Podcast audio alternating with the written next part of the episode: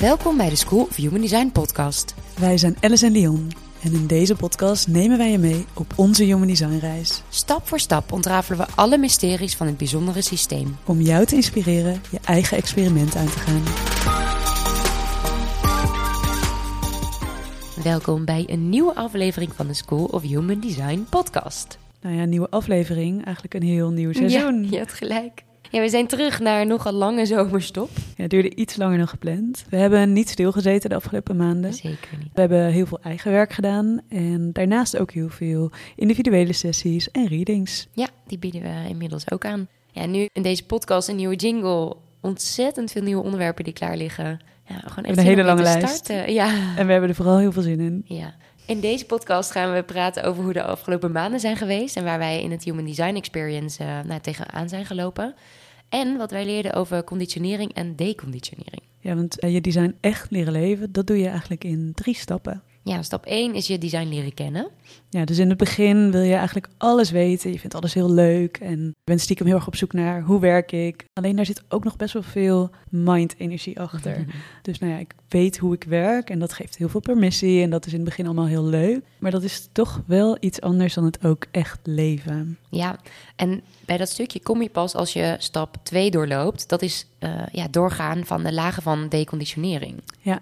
Ja, dit kost gewoon echt tijd, want hier mag je gewoon echt je schaduwen gaan aankijken. Dus waarom is iets wat eigenlijk heel natuurlijk zou moeten zijn nou zo moeilijk? En dit is niet altijd even leuk, kunnen we je uit persoonlijke ervaring vertellen. Mm.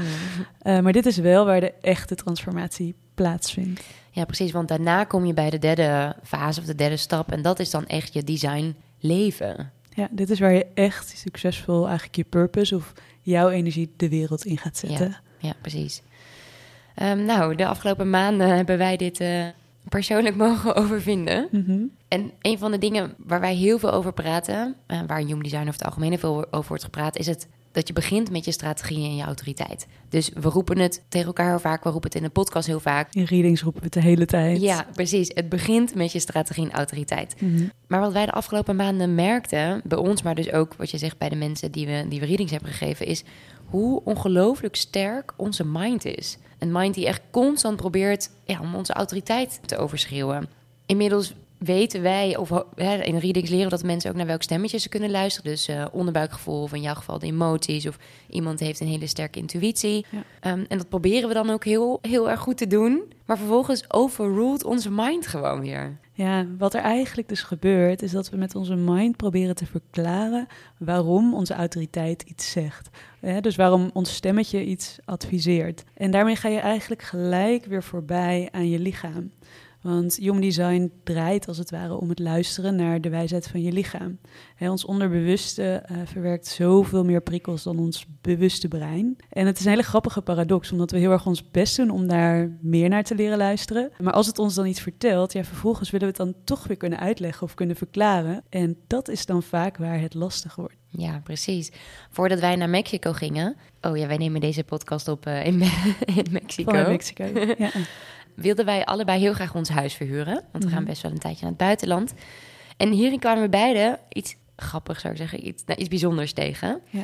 We kregen iemand kwam langs, iemand kwam ons huis bekijken en onze intuïtie zei nee. En in mijn geval, op papier klopte alles. Ja. Het was bijna een beetje too good to be true. Ja. Dus ik dacht, ja, maar dit moet. Ik moet met zo iemand, ik moet aan, aan hem, moet ik mijn huis verhuren, want dan komt het goed.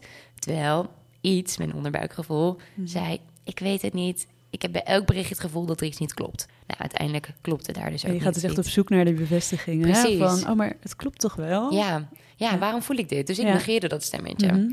En het grappige is, daarna kreeg ik een eh, andere vrouw die het huis kwam bezoeken, kwam bekijken, bezichtigen. Op papier klopt bij haar heel veel niet. Ja. Maar het gevoel is zo goed bij haar. Intuïtief dacht ik, toch gaat het met haar goed komen. Nou, en zij trekt over eh, een paar dagen het huis in. Um, dus het mooi is is een typisch voorbeeld van... Weet je, dat stemmetje, we horen hem wel. Maar dan, wat, waarom luisteren we dan daar niet naar? ja, er zijn heel veel redenen. En in mijn geval bijvoorbeeld, ik had een, een beetje hetzelfde. Mijn gevoel zei de hele tijd nee. Maar ik kon het eigenlijk, nou ja, wat ik net ook al zei, ik kon het gewoon niet verklaren. Dus er was eigenlijk geen reden. Het was een heel leuk mens en we hadden een hele leuke klik. En eigenlijk alles was positief, alleen mijn gevoel zei nee. En dat was zo lastig, helemaal omdat ik ook met twee andere meiden samen woonde. Dus zij moesten ook met haar wonen. En ik voelde me zo schuldig en ik gunde die vrouw het zo. Dus dat, dan heb je ook weer het stukje om het naar anderen uit te leggen. Ik kon gewoon niet begrijpen waarom mijn gevoel nee zei. En het grappige was, ik heb het helemaal geobserveerd natuurlijk. ook vanuit deze interesse. Ik heb helemaal uitgeplozen en ik voelde wat er gebeurde. Dus eigenlijk als ik wakker word 's ochtends, of nou ja, dat is het moment waarop we het eigenlijk het meest helder kunnen voelen. Eh, of als ik een meditatie deed, dan voelde ik in mijn lichaam heel duidelijk, nee, dit, dit is het niet. Eh, maar vervolgens ging mijn mind in, hun, maar het kan toch wel. En ik voelde ook dat mijn mind tegelijkertijd echt op zoek ging, echt heel nasty eigenlijk. Die ging gewoon op zoek naar redenen waarom zij niet te vertrouwen was. En toen dacht ik, nee Leon, dit is echt klaar. Dit ga je niet doen. Je gaat niet die mind game spelen. En je gaat daar gewoon heel eerlijk uitleggen wat er aan de hand is en dat het voor jou niet goed voelt. En dat was eigenlijk zo bevrijdend dat ik dacht, oh, hè, maar ik, kan, ik hoef niet een reden te hebben. Ik kan gewoon zeggen, het voelt niet goed, punt. En dat heeft even een paar dagen geduurd voordat ik daar was. En op een gegeven moment realiseerde ik me ook van, ja, het is heel leuk. We leggen iedereen uit. Ik zit elke dag met readings en ik was ook een reading aan het doen die dag met iemand waarin ik letterlijk zei van, ja, eh, je eerste stemmetje, dat is je intuïtie. Daarna komt je mind in. En nou ja, toen moest ik een beetje grinniken, want toen keek ik mezelf ook aan eigenlijk van een afstandje dat ik dacht, oh, maar practice what you preach. Ik bedoel, je kunt wel iedereen dit advies geven, maar eh, nu is het tijd om het zelf ook te doen. En het is heel grappig, want ik voelde zoveel weerstand in mijn lijf en ook een stukje angst. Ik dacht, oh, hoe gaat zij reageren? En voelde me bijna schuldig dat ik het haar ontnam. En eigenlijk al die dingen zonder dat ik duidelijk daar een reden voor had. En uiteindelijk is het, heeft het verhaal een hele andere wending gekregen. En was het heel goed dat, het, dat ik het niet had gedaan. Maar dat was in dat moment zo moeilijk. Ja. eh, Dat ik me heel goed kan voorstellen hoe mensen en luisteraars ook hier tegenaan lopen. ja, precies. En wat je meestal ziet is, of wat je in mijn geval zag, ik luister niet naar het stemmetje, maar ik kreeg zo'n I told you so. Weet je, daarna van, ik Mhm. Die wist, eigenlijk wist ik het al. Ja. Ja, ja, en dat zeiden wij ook. Ik had met mijn huisgenootje over. En wij zeiden, ja, dit is zo'n geval dat je het wel doet. En dan achteraf, oh ja, dit was waarom het misschien niet de bedoeling was. Ja. ja, kijk, en dat is het, het bijzondere aan Human Design is, we willen je echt leren om je design te, te leven. Ja. Maar ja, het begint dus met heel veel kennis opdoen. Alleen lastig is op het moment dat je al die kennis hebt. Weet je, als je zoveel leert over Human Design, dan denk je vaak dat je er al bent. Dus als Ja. je eenmaal iets weet, nou, bijvoorbeeld dat je als projector weinig werkenergie hebt en dat je voldoende moet rusten. Of heb je een open solar plexus, dan ben je gevoelig voor de emoties van anderen. Eh, ja, of als bijvoorbeeld als manifester dat je eh, mag initiëren, dan kun je op dat moment ook denken van, oh, ik moet dat nu gaan doen. Of ik moet het al helemaal snappen en helemaal doorhebben hoe ja. ik dat ook kan doen. Eh, maar eigenlijk begint het dan pas. Want het is inderdaad een natuurlijke energie die in jou aanwezig is. Maar er is een reden waarom die niet van nature eigenlijk naar buiten komt. En daarnaast is het ook nog zo, als je inderdaad jezelf aanleert van... oh, ik moet veel slaap hebben als projector zijnde bijvoorbeeld... dan weet je dat je dat moet doen. En dan gaat je mind inderdaad vertellen, oh, ik moet nu gaan slapen. Maar alsnog ga je voorbij aan het uiteindelijke doel. En dat is toch echt meer naar de signalen van je lichaam ja, luisteren. precies, dat is echt voelen. Ja, Ja, dat is interessant. Ik heb eh, een tijdje geleden, een maand of twee geleden, een Human Design Business Reading gehad. En zij stipte weer eventjes aan dat ik de, eh, het kanaal van Struggle heb. Mhm. En het grappige is, het lijkt alsof ik altijd mega toffe dingen doe. Dat alles heel makkelijk gaat. Dat alles mij misschien wel een beetje komt aanwaaien. Mhm. Maar er zit een hele andere energie achter. ja. Ik maak het mezelf juist altijd heel erg moeilijk. Dat hoor ik trouwens ook best wel veel. eh, vooral vroeger als kind hoorde ik dat terug van... Nou, waarom moet je het nou weer zo doen? Oh, ja. Het kan wat makkelijker. Ik doe het nu ook zelf door mezelf heel hard te pushen... en grenzen op te zoeken, zowel in werk, maar ook in relaties. En bij mij gaan dingen, vooral in het begin... die gaan gewoon niet makkelijk. Er moet altijd een soort van strijd en struggle in zitten. Daar ga ik blijkbaar lekker op. ja, het is ook hoe je leert. Ja, zo leer ik mijn lessen. Maar is dit maatschappelijk geaccepteerd? Of accepteer ik dit überhaupt van mezelf? Mhm. Vind ik dit leuk aan mezelf? Ja, nee, eigenlijk niet echt. Het liefst stop ik me dan een beetje dat mensen niet zien dat ik die struggle ben. heb. Precies, en vecht, vecht ik er tegen. Ja. Praat ik er dan ook maar liever niet met mensen over. En dit voel ik dus al best wel, nou ja, al jaren denk ik, weet je. Je Ja. voelt die energie wel in je. Nou, nu bevestigt even iemand, oh ja, dat zit in je. Ja. En enerzijds denk ik dan, oh chill, nu snap ik mezelf, ik mag het helemaal omarmen, ik mag struggelen. Maar ja, er gebeurt één ding en ik struggle met iets. En meteen zitten er toch weer oude overtuigingen achter dat het er dus niet mag zijn. Of dat ik op dat vlak dus niet mezelf mag zijn. Dus dat hele Ja. iets weten betekent gewoon echt niet dat je dan ook kan leren leven. Nee. In ieder geval niet zonder slag of stoot. Ja, precies. nou, en ik vind het ook een mooi voorbeeld dat je zegt inderdaad dat wij ook ons design, we kennen ons design eigenlijk al jaren. Een Mhm. soort van, nou ja, al denk drie, vier jaar inmiddels dat we ons bekend zijn met ons eigen design en alles weten. Eh, maar het is ook heel mooi om jezelf zo'n cadeau te geven. Om echt even weer met frisse ogen of om met iemand anders ernaar te kijken. Oh, absoluut, ja. en Ja. dat is ook echt een cadeau aan jezelf, denk ik. Ja. En dat vind ik ook heel mooi om te zien in de sessies die wij nu geven. Ja, heel veel mensen zeggen, ik heb alles al gelezen en ik weet alles al. Maar iemand pakt er toch weer andere dingen uit en geeft toch weer een, een nieuwe spiegel. En dat is gewoon heel mooi om jezelf dat te geven. Ja, en het is ook maar net waar je mee resoneert hè, op dat moment. Ja, Ik denk dat ik die de andere keren dat ik met mijn eigen design bezig was, dat andere topics belangrijker waren of andere energieën. ja, En blijkbaar in de hele reading kwam dit voor mij het meest naar voren. ja. Dit is het meest blijven hangen. Dus Mhm. blijkbaar is het iets waar ik dan nu iets mee mag doen. ja. Maar ik vind het ook heel mooi dat je dat dus doet. Dus dat je inderdaad, ondanks dat je denkt dat je alles al weet, toch weer open erin gaat en met Ja. iemand anders er naar kijkt. Ja, en ik denk dat dat de key is van human design. ja. Blijf niet in die eerste stap hangen met al die Mhm. kennis verzamelen. Eh, denk ook niet dat je meteen kan overstappen naar stap drie in het leven. Ja. Daar zit nog iets tussen. Je moet het echt doorvoelen. Je moet echt begrijpen waarom je dingen doet zoals je ze doet. Of niet doet zoals je ze niet ja, doet. Ook in ons geval, wij hebben dit 30 jaar zo gedaan. Dus het is inderdaad, gaat echt om het doorgronden en het begrijpen. En denk ook niet dat je er bent. Want elke keer, nou ja, ik herken het ook, kom ik ook mezelf steeds weer tegen en steeds weer op een nieuwe laag. Ja. Dus ook als ik kijk naar mijn werk, ik heb nu heel veel vrijheid in mijn werk. Ik werk voor mezelf en ik heb het afgelopen jaar ben ik ook een hele kant, andere kant eigenlijk opgeslagen. Ik ben begonnen met het geven van energetische massages en dat begon klein en deze zomer is dat best wel uitgegroeid tot een volwaardige praktijk en ik heb dat echt een tijd fulltime gedaan. En het grappige was dat ik op een gegeven moment voelde aan mezelf dat ik eigenlijk bijna boos werd als iemand een massage wilde boeken. Het klinkt echt heel erg.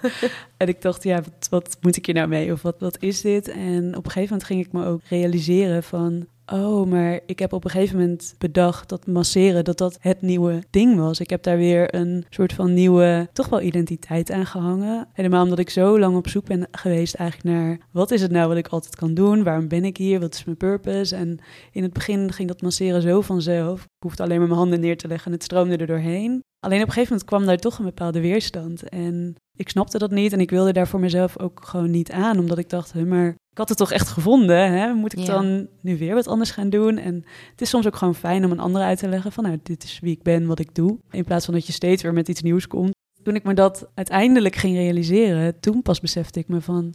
oh, ik heb nu mezelfde patroon eigenlijk. Toch die wens om ook zoals anderen te zijn en ook echt iets op te bouwen. En ook, nou ja, toch een stukje te kunnen uitleggen wat ik doe. Die heb ik nu weer meegenomen eigenlijk op mijn eigen bedrijf geplakt. En daardoor voelde ik en eerde ik eigenlijk niet mijn eigen energie.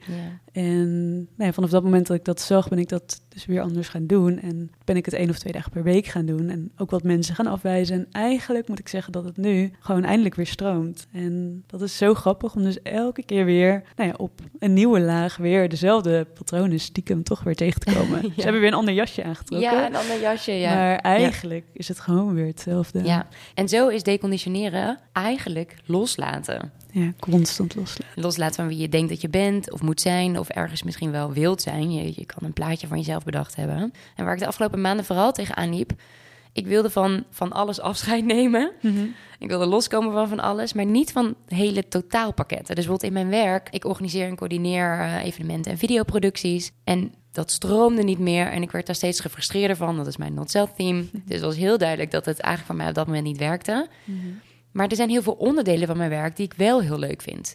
Dus in het totaalplaatje, het hele uitvoerende bijvoorbeeld, zou ik graag los willen laten.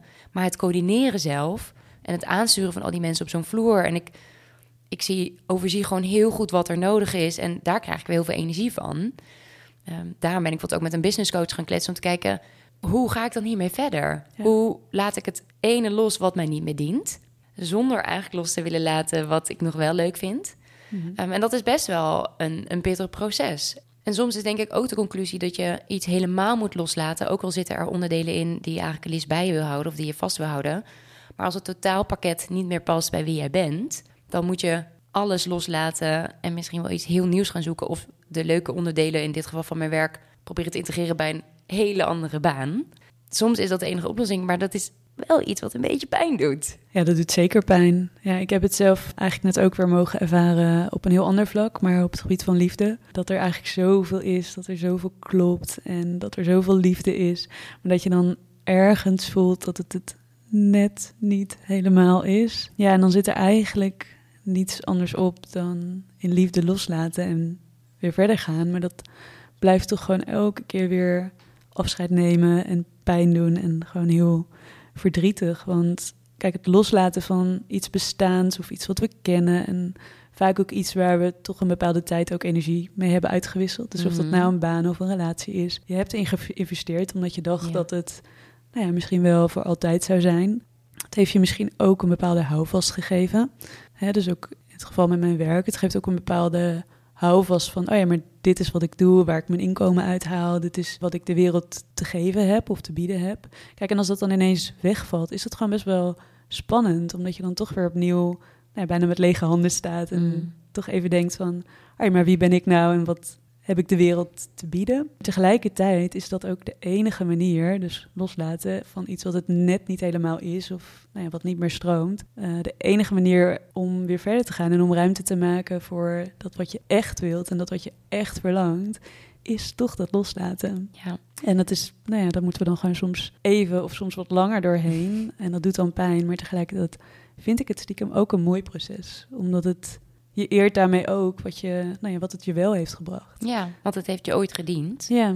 ja, een heel lang verhaal nu over loslaten. Maar we hadden het eigenlijk over overtuigingen. Ja, ja, en de reden dat we het zo moeilijk vinden om los te laten, waarom we het liefst willen vasthouden aan alles wat we kennen, dat zit vaak op een veel dieper niveau dan wat we in eerste oog zien. Want je denkt inderdaad, loslaten, nou, dingen die, die niet meer dienen, die laat je toch makkelijk los. Ja, Maar dat gaat dus niet zo makkelijk. En dat komt omdat we al die kernovertuigingen daarachter hebben zitten. Dus het is zo belangrijk om voor jezelf te onderzoeken. Hoe denk je eigenlijk over jezelf? Hoe denk je over de wereld? Of hoe denk je dat andere mensen om je denken? Het is natuurlijk ook heel bepalend waar je bent opgegroeid en met wie je bent opgegroeid. Om welke school je hebt gezeten. ja. Wat voor soort bedrijf werk je nu? Wat voor vrienden heb, heb je? Ja, welke overtuigingen hangen er om jou heen? Welke verwachtingen ook? En heb jij echt het gevoel dat jij helemaal jezelf mag zijn voor jezelf? Ja, nou, het is wel grappig inderdaad. Want deze herken ik ook weer. Eh, wat ik eigenlijk ook deze zomer, nou ja, in de periode dat we stil hebben gelegen met de podcast, dat ik eh, bij mezelf ook herkende weer. Dat ik ergens toch ook de overtuiging had van, eh, ja, ik moet toch een keertje mezelf gaan settelen en een vaste plek gaan vinden en iets opbouwen. En ik moet ook zeggen dat het heel erg voelde na jaren van reizen, dat ik ook heel erg zoiets had van, ik wil echt even aarden en nou ja, even mijn wortels in de grond en even wat langer op één plek blijven. Dus ik ben nu twee jaar eigenlijk in Amsterdam gebleven zonder te reizen. En dat hebben de meeste mensen van ons natuurlijk in deze tijd gedaan. Eh, maar voor mij voelde het ook wel heel erg als iets wat ik moest doen. Ook om stiekem toch een beetje aan mezelf te bewijzen dat ik dat ook kon. Dat ik niet te onrustig was om eigenlijk op één plek te blijven. En ik merkte dat het me in het begin eigenlijk best wel veel bracht. Ook omdat ik merkte van, oh ja, maar als ik niet steeds van plek wissel en op dezelfde plek blijf, dan hou ik best wel veel energie en ruimte over. En is er ook meer ruimte om eigenlijk meer te verbinden met de mensen om je heen. Het is toch best wel een beetje afleidend om de hele tijd onderweg te zijn en steeds weer met nieuwe mensen te omringen. En ik merkte dat ik daar moe van was. Alleen op een gegeven moment kwam dan toch weer de onrust. Of dat ik, nee, niet eens onrust. Maar ik voelde gewoon, het is tijd voor mij om verder te gaan. Alleen tegelijkertijd hoorde ik ook vanuit mijn omgeving van, hé, maar wanneer ga je nou eens rust vinden? En is het niet een vlucht? Vooral mijn ouders moet ik zeggen. Maar toch ook veel mensen in mijn omgeving die niet snappen dat het nomadenbestaan, wat voor mij heel natuurlijk voelt eigenlijk, dat dat ook gewoon een manier van leven is. En daardoor ging ik dus echt aan mezelf twijfelen. Zo van, oh, maar heb ik dan nu weer onrust? En ben ik, iets aan het, ben ik aan het wegvluchten voor iets? En is dat wel goed dat ik dat voel? En ik moet zeggen dat ik daardoor echt wel een half jaar eigenlijk het al voelde, maar toch steeds weer, nou ja, toch mezelf wilde bewijzen of soort van echt zeker wilde weten dat het dat was. Terwijl iets in mij eigenlijk heel duidelijk was. En Ja, en toch aanpassen aan die norm, ja. ja, echt wel. En ook dus die overtuiging van, oh, maar als ik nu weer wegga, dan heb ik geen, geen rust in mijn leven. Ja, dan, precies, dat is verkeerd. Dat is verkeerd. Ja. Terwijl eigenlijk voelde ik al heel lang dat het gewoon vanuit de goede plek kwam. Maar toch is het dan toch best Mhm. moeilijk om daar overheen te stappen. Ja. Dat is toch het stukje wat je zegt over die verwachtingen van anderen. ja. Die je dan toch op jezelf projecteert. Want ik dacht dus ook echt dat het nou ja, vanuit mij kwam. Dus Ja, die overtuiging. dus niet eens... Ik had niet eens door dat ik het deed voor anderen, zeg maar. Ja, en ja, dat maakt dit alles gewoon zo complex ook. Ja. Het is grappig, doet me ook even denken aan... ehm, we krijgen best wel vaak berichten eh, van mensen die stiekem willen... dat ze een ander type zijn in human design. Oh ja. Of eh, dat ze niet blij zijn met hun, met hun charters, met de gedefinieerde centers... of andere eigenschappen die ze hebben. Ja. En dat zijn mega interessante gesprekken, want waarom zou jij niet willen zijn zoals je bent? Wat van jou van, van nature komt. Mhm. En eh, met al je kwaliteiten en al je, nou ja, tussen aanhalingstekens, gebreken die je hebt. Ja. En jij bent zo, voor jou werkt dat het lekkerst. Waarom niet? En ik zeg dus ook niet dat mij dat eh, ten volste lukt. Maar waarom dat niet helemaal omarmen? Je bent zo geboren. Je Ja. mag zo zijn. Ja, het is soms ook een, een tegenstrijdigheid. Hè? Dus dat we, volgens mij hadden we het hier laatst nog over, dat ik ook in mijn design voelde. Ik heb heel erg zo'n kanaal wat heel erg gaat over overal maar induiken en elke ervaring opdoen, maar nergens echt de diepte ingaan. Ja. En dat ik tegelijkertijd ook een hele drive voel om juist dieper te gaan. Ik hou helemaal niet van dingen die oppervlakkig, zijn. nee. Nee, dus dat is soms ook gewoon best wel een struggle om daar dan nou ja, de juiste balans in te vinden, denk ik. Ja. Eh, inmiddels lukt dat steeds beter, maar ik kan me ook voorstellen als je het net leest of nou ja, net je erin gaat verdiepen, dat je echt denkt, huh, maar hoe kan ik die twee, dus mijn verlangen eigenlijk om diep te gaan, hoe kan ik dat nou eigenlijk combineren, met Mhm. dat ik toch steeds weer die onrust voel om weer wat anders Ja, te doen. ja, precies. Human design is heel complex, maar human design zit ook vol tegenstrijdigheden. Mhm. Dus op het moment dat je vooral veel leest, maar eigenlijk niet echt je design leeft, dan is het heel moeilijk, wat jij zegt inderdaad, om, om dat allemaal samen te brengen. En echt te begrijpen welke kant je dan op kan gaan. Of wat je dan mag volgen of hoe je dat allemaal bij elkaar brengt. Ja. ja, en dat is ook heel erg onze mind. Die wil natuurlijk gewoon duidelijkheid. Zo van, Ja. ik ben dit. Of, Ja. of, Of, moet ik zo. links of rechts? Ja, precies. het maar. dat is onze mind natuurlijk. Ja. En human design is heel erg, ook als je kijkt naar het evolutionaire verhaal, het idee is heel erg dat we opschuiven naar meer solar plexus of emotioneel bewustzijn, dus echt in ons lichaam. En daar zitten nou eenmaal gewoon heel veel verschillende lagen en kleuren en daar kan eigenlijk gewoon alles naast elkaar bestaan. Maar goed, dat is wel iets wat we moeten leren, want we hebben het zo lang anders gedaan. En zo geldt het dus ook een beetje voor nou ja, wat we in deze podcast bespreken over het stukje conditioneren ergens voelt het nou ja, diep van binnen zo vertrouwd om niet jezelf te zijn. Hè, we hebben ons ooit niet voor niets aangepast en dat is ook gewoon veilig, omdat de angst om verstoten te worden of om geen onderdeel te zijn van de groep er niet bij te horen, dat zit zo diep in ons mens zijn. Als we het hebben over kernovertuigingen, dan is dat eigenlijk je diepste basisangst waar heel veel weer naartoe te herleiden is. Mhm. Dus ja, het is heel logisch dat, dat het zoveel pijn doet soms. Maar ja, uiteindelijk heb je zonder weerstand. Het, want uiteindelijk is die weerstand nodig om te groeien. Want als Ja. je daar niet doorheen gaat, dus als je geen weerstand hebt en je dus je alleen maar denkt van dat is misschien wel een goede maatstaf eigenlijk. Als je namelijk geen weerstand hebt, dan is er geen groei. Want verandering, dat heeft, levert altijd een beetje groeipijn op, omdat het nieuw is. We kunnen het niet helemaal overzien. We weten niet of het helemaal veilig is. Dus eigenlijk loop je altijd bij iets wat nieuw is. Loop je, je ego gaat altijd even aan de bel trekken van... hey, is dit nou wel verstandig? Ja, en ja. kunnen we dit nou wel doen? En het heeft je zo lang gediend, dat, dat oude patroon. Eh, dus ik vind dit wel een mooie maatstaf eigenlijk. Dus als jij met Human Design aan de slag gaat... of nou je krijgt een reading en je voelt geen weerstand... dan ben je eigenlijk vooral je bestaande overtuigingen aan het eh, versterken. Maar dan ben je eigenlijk niet aan, echt aan het veranderen. Ja, en over veranderen gesproken. Iemand in een reading vorige week, die zei... ik wou dat ik geen profiel 5 had. Dat ik niet steeds de drive voel om anderen te helpen. Ehm, en dat het voor haar veel te veel voelde als dat ze de hele tijd aan het pleasen was. Dus ze stopte er helemaal mee. Ja, is ook een optie. Ja, dat is ook een optie. En het, het grappige is wel, ik herken me hier heel erg in. En dit is ook precies waar ik de afgelopen zomer een beetje tegenaan liep. Ik heb ook dus profiel 5. En jij zei tegen mij, ja, het is toch zo'n mooi eigenschap juist om anderen, om anderen te helpen. Daar krijg je juist energie van. Daarom heb jij profiel 5. Ja. Want daar gaan dingen van stromen. Mhm. Maar op het moment dat je dus te veel geeft, ja, dan voel je dat niet meer. En ik zat ook in die fase dat ik dat gewoon niet meer voelde. Dat elke vraag was eigenlijk al te veel. Ik dacht, mooi om mensen te helpen. Helemaal niet. Ik vind het echt veel te vermoeiend. Eh, laat mij maar gewoon eh, met rust. Lekker op allemaal. Ja. Ja.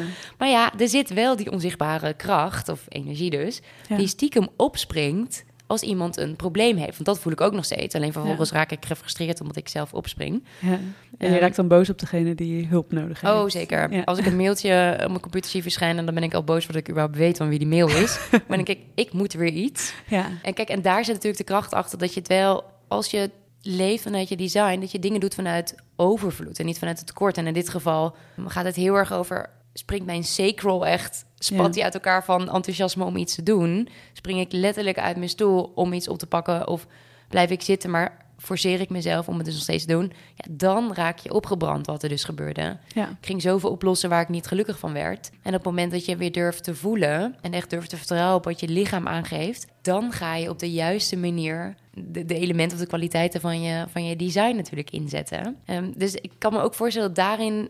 Ik snap ook wel dat sommige mensen juist het gevoel hebben dat ze soms willen veranderen of een ander willen zijn. Ja. Maar de kracht ligt hem in ontdekken hoe je jouw kwaliteit het beste voor jou kan laten werken. ja, en dat kost ook gewoon tijd. En zo zie je ook maar weer, er zitten gewoon, nou, hoe zeg je dat, heel veel beren op de weg. Of echt, eh, elke boom heb je weer een nieuwe beer. Hoe zeg, ik weet even niet wat de uitdrukking is. Maar eigenlijk als je vanuit de, dezelfde onderliggende energie gaat werken, dus eigenlijk nog steeds vanuit iedereen wil wat van mij, maar je hebt eigenlijk zelf daar die energie niet voor. En je beseft je eigenlijk ook niet dat jij zelf aan het stuur zit, nog helemaal misschien. Nee, ja. Dus dat jij bepaalt wat je wel en niet doet. Dus dat anderen inderdaad die, die vragen jou en die zien jou als expert. Maar uiteindelijk bepaal jij zelf wat je zegt met je zekel. Of je daar op dat moment wel of geen energie voor hebt. Maar ja, als je dat al zo lang te veel hebt gedaan, dan is het ook heel makkelijk om eigenlijk weer een andere overtuiging. Dus de overtuiging de andere kant op te maken. Zo van, ik ga niemand meer helpen. Of, ja, het moet echt om te draaien. Ja. ja, dan draai je het gelijk weer om. Eh, maar daarmee blokkeer je dus eigenlijk de stroom. En eh, daarmee ontneem je nou ja, de wereld een, een deel van jouw kracht, maar ook gewoon een heel groot deel van jezelf. En dat is eigenlijk, eigenlijk nooit gezond, omdat je daarmee inderdaad niet de energie laat stromen, want je krijgt ook heel veel energie van dat geven. Ja, dus willen we ons design leven en onze mind minder laten overschreeuwen, dan moeten we echt tijd besteden aan het deconditioneren. Het loslaten van al die beperkende gedachten en overtuigingen die we hebben. En die hebben wij allemaal. Ja. En ja, dat is wel hard werken en lang werken. Ja, en vooral niet altijd leuk. Nee. Maar eigenlijk inderdaad, want we denken dat we alles gelijk moeten snappen en moeten weten. Maar wel goed om nog even te benadrukken dat in Human Design ook echt wordt gesproken over een zeven jaar durende cyclus. En ik kan me voorstellen dat je daar heel erg van schrikt. En uiteindelijk gaan we sneller in onze evolutie, we leren sneller, we zijn meer nee, spiritueel ontwikkeld, we hebben een hoger bewustzijn. Dus het gaat sneller. Maar vergeet niet dat je lichaam gewoon wel echt tijd nodig heeft om te evolueren. En eigenlijk omdat wat opgeslagen ligt in je cellen en iets wat je eigenlijk zo lang op een automatische piloot hebt gedaan, om dat te transformeren. Dus Mhm. het begint met bewustzijn, maar uiteindelijk is het toch iets wat je helemaal moet gaan doorvoelen, moet gaan doorleven. En nou ja, dat kost nou eenmaal gewoon tijd. Ja, dus beetje voor beetje, laag voor laag. Ja. Ja, en onderzoek één overtuiging en ga daarmee aan de slag. Daar zijn heel veel modellen voor. Er zijn natuurlijk superveel therapieën ook voor. Um, Ja. Of eigenlijk iets heel simpels, wat ik laatst een soort van herontdekt is... begin bijvoorbeeld met een dagelijkse mantra. Toen ik aan het onderzoeken was waarom ik die struggle zo moeilijk vind... terwijl ik dus ergens ook heel lekker vind, want dat hoort ook bij mij... Nou, zeg dan bijvoorbeeld elke dag tegen jezelf... ik leer van mijn struggle. Of struggle is mijn kracht. Probeer op die manier echt de dingen om te buigen... Ja. En, eh, en op die manier eh, ja, je overtuigingen aan te passen. Ja, dus geef het gewoon tijd. Be gentle with yourself. Als we in ons not zelf leven, dan heeft alles haast. Maar eigenlijk is dat gewoon helemaal niet zo. Mocht je ergens tegenaan lopen, mocht je zitten te struggelen, bedenk je dan ook dat, dat je altijd eerst even weer terug naar alignment mag gaan. Dus eerst terug naar die rust. En dat het niet allemaal tegelijk hoeft. Dus niet elke verandering hoeft tegelijk. En uh, misschien troost het je ook een beetje om te horen dat wij al jaren met Human Design bezig zijn. Maar ook nog steeds onze eigen struggles hebben en nou ja, tegen dingen aanlopen. Ja, precies. Dus je bent niet alleen in dit, uh, in dit proces. Nee. In deze podcast hebben we jullie meegenomen in wat wij voor onszelf de afgelopen periode tegen zijn gekomen. Maar we gaan nog een volledige podcast wijden ook aan echt deconditioneren. Dus hoe doe je dat nou? Wow, wat was het fijn om weer een podcastaflevering op te nemen. Ik denk dat we tot het einde zijn gekomen hiermee. We zijn er gewoon, hè? We zijn er. Heb je vragen, laat het ons weten. Ja. En anders hopen we vooral tot eh, de volgende keer weer. Ja, super leuk dat jullie allemaal ook gewoon weer luisteren. Tot de volgende keer. Ciao. Doei.